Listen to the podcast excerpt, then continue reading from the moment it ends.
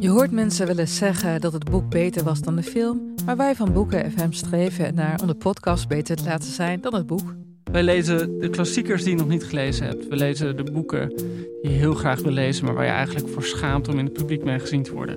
We lezen de Libris-winnaars. Uh, we praten over de Nobelprijslariaten. Allemaal zoals je een etentje hebt dat je moeiteloos mee kan praten en dat het lijkt alsof je helemaal belezen bent. Wij zijn Ellen, Joost en Charlotte van Boeken FM en je kunt ons luisteren in je favoriete podcast-app.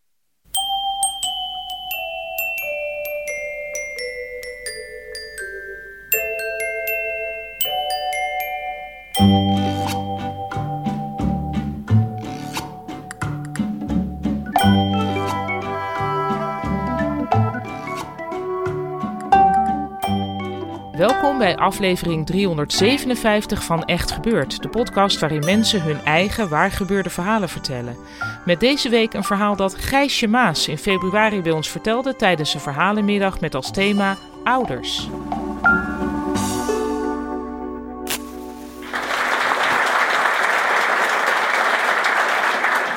Ja.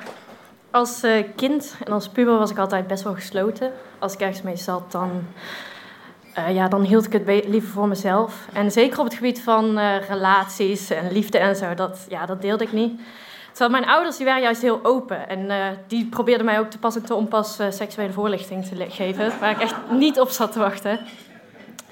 Het is niet dat ik nooit verliefd was. Ik, ik was wel verliefd, maar dat was eigenlijk altijd een beetje op onbereikbare types. Het was nooit wederzijds. En ik denk dat ik dat op een bepaalde manier ook wel een romantisch idee vond. Uh, de onbereikbare liefde waar nooit iets mee zou gebeuren, kwijnend ver weg. Of misschien vond ik het ook wel handig um, dat ik er niks mee hoefde te doen. Dan hoefde ik tenminste ook niet na te denken hoe dat eigenlijk moest. Uh, en ondertussen was ik 16 jaar. Ik had dus nog nooit een vriendje gehad. Ik had nog nooit iemand gezoend. En ik ging op de website Omegle. Dat was een website in die tijd uh, waar je op willekeurige wijze met mensen wordt gekoppeld van over de hele wereld. En dan kun je chatten. Um, en je kon wel interesses invoeren. En ik had de interesses Scrubs ingevoerd. Dat was een serie waar ik heel erg verslaafd aan was als tiener. En ik werd dus gekoppeld aan Yusuf. Yusuf was een jongen uit Egypte, 17 jaar. Uh, en we hadden gelijk een hele goede klik, want ja, Scrubs. um, En we bleven maar praten en praten. En uiteindelijk waren we uren bezig op Omegle. En dachten we, we moeten maar gewoon echt uh, contactinformatie gaan uitwisselen. Dus we hebben onze nummers uitgewisseld. En uh, vanaf dat moment waren we eigenlijk aan één stuk door aan het praten, elke dag. Als hij een uh, voetbalwedstrijd had in Alexandrië, waar hij woonde, dan nam hij me mee. Via videobellen liet hij me dan zien hoe, het ging allemaal. En uh, hij, ja, hij wist wat ik deed en ik wist wat hij deed. En eindelijk had ik net als mijn vriendinnen ook een keer een vriendje, want ik liep natuurlijk een beetje achter. Dat vond ik toch wel een heel fijn idee. Maar um, ja, hij woonde natuurlijk in Egypte. Dus echt, echt elkaar zien, dat, dat zat er niet in. Tot hij ging verhuizen naar Engeland, naar Plymouth, om daar te gaan studeren. En vanaf dat moment begon het idee een beetje te leven tussen ons dat we misschien wel elkaar zouden kunnen ontmoeten in het echt. Uh, maar hij kon niet naar Nederland komen vanwege zijn visum. Dus ik zou naar Engeland moeten. Nou, daar, dat begonnen we te bedenken. Maar hij had één voorwaarde. Je moet het aan je ouders vragen. nou, ja, daar zag ik natuurlijk heel erg tegen op. Want ik wilde dit soort dingen echt niet met ze bespreken. Uh, maar hij was heel stellig. Dus ik dacht, oké. Ik moet eigenlijk gewoon zorgen dat ze het me verbieden. Want dan kan ik het stiekem doen. Dus dat heb ik, dat heb ik gedaan. Uh, op een ochtend, mijn moeder zat met haar hoofd in de koelkast, was ze nog de ontbijtspullen aan het opruimen. En ik vroeg heel snel aan haar, mama, mag ik Yusuf gaan opzoeken in Engeland? Ze zei, nee. En toen ik, oké. En ik snelde de kamer uit en ik sprong op een fiets op weg naar school. En ik was heel blij, want ik had mijn afwijzing. Dus ik kon nu eindelijk stiekem gaan regelen dat ik naar Yusuf kan vliegen. en dat hebben we dus gedaan. Yusuf heeft voor mijn eerste klasticket gekocht. En ik had bedacht dat ik dan zou gaan zeggen dat ik bij een vriendin wil slapen dat weekend. En we zouden elkaar dus gaan ontmoeten in Londen. Er was alleen één probleem.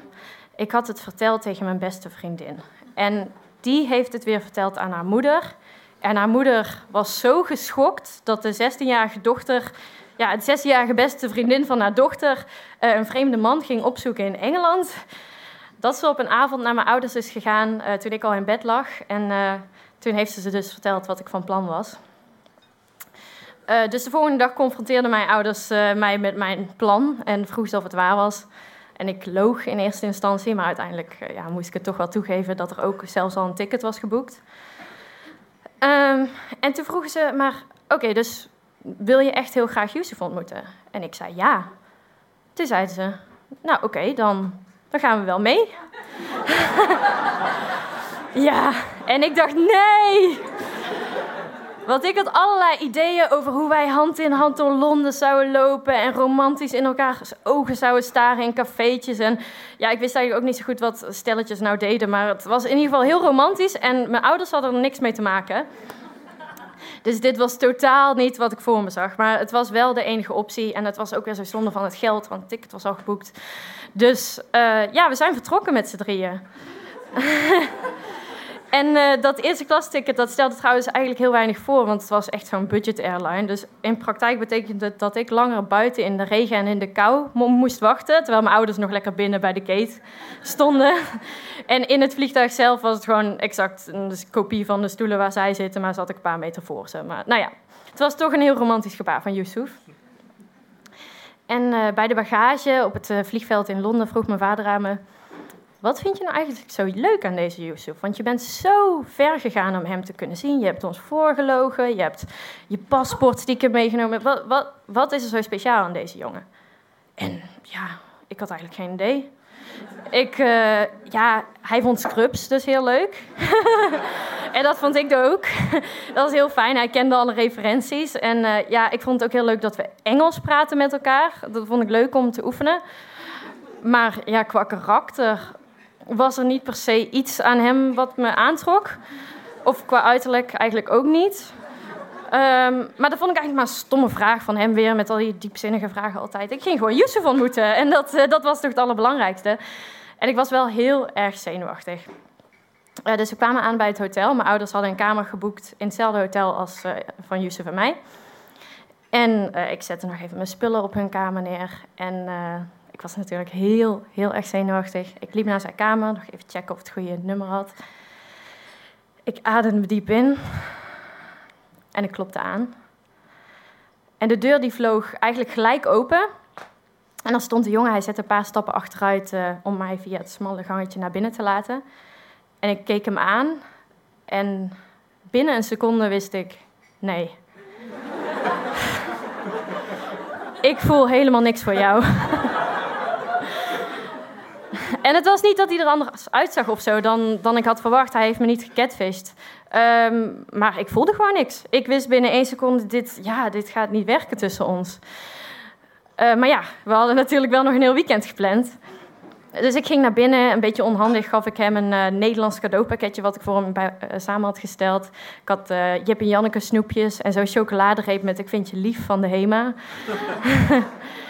En hij gaf me ook een beetje onhandig zijn pakketje. Ik weet niet eens meer wat erin zat. Maar uh, ja, en die avond hebben we een beetje gekletst. Maar het was heel erg ongemakkelijk. En ik, ik deed niet eens echt moeite volgens mij om mijn ja, ongemak en afkeer te verbergen. Het was echt niet wat we er allebei van hadden verwacht. En het begon langzaam ook een beetje laat te worden. Dus ja, het moment begon te naderen dat we samen zouden moeten gaan slapen in dat bed. Nou, ik had natuurlijk helemaal geen ervaringen überhaupt en daar had ik me ook niet echt mee bezig gehouden. Maar überhaupt naast hem slapen, daar zag ik zo erg tegenop. Dus ik zei, ik moet nog even naar mijn ouders uh, om ze wel rusten te wensen. Toen ben ik naar mijn ouders gegaan. Uh, en toen zei ik, ik wil echt niet bij Yusuf in bed slapen. Ik heb hier echt helemaal geen zin in, hij is zo vies. en uh, toen zei mijn moeder, nou, dan slaap je toch gewoon bij ons. En ik was zo opgelucht. dus ik ben weer terug naar Yusuf gegaan en ik zei: Ja, super stom van mijn ouders, maar ik mag ineens niet meer bij jou slapen. Echt raar. en hij begreep het wel, wat natuurlijk ook niet zo heel gek is, want ja, ik kende hem pas net. Um, dus ik ben bij mijn ouders gaan slapen. Ik had natuurlijk al jaren niet meer bij ze in bed geslapen. En uh, het was een heel klein bedje in een goedkoop hotel, maar. Uh, we lagen, ik lag er eigenlijk wel heel lekker en comfortabel.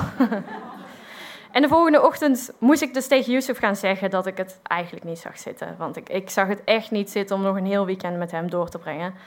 Dus ik ben naar zijn kamer gegaan en ik heb het verteld dat ik het gewoon niet voelde en dat ik het ook niet snapte waarom. Hij was heel erg teleurgesteld, maar hij zag het ook wel aankomen. En uh, hij heeft daarna nog een briefje onder de deur van mijn ouders geschoven met een bedankje aan, voor, ja, om ze te bedanken dat ze het voor ons hadden mogelijk gemaakt om ons, te, om ons samen te brengen. Hij was echt heel lief eigenlijk hoor. en uh, ik ben daarna met mijn ouders Londen gegaan. We zijn. We zijn naar het Tate Museum geweest en naar uh, Shakespeare's Globe. Dat was echt heel leuk, want ik vond Shakespeare heel leuk in die tijd. En we hebben door allerlei mooie straatjes gelopen en naar vintage winkels geweest. En ja, eigenlijk ontdekte ik dat ik helemaal geen vriendje nodig had om een heel leuk weekend weg te hebben. Ja.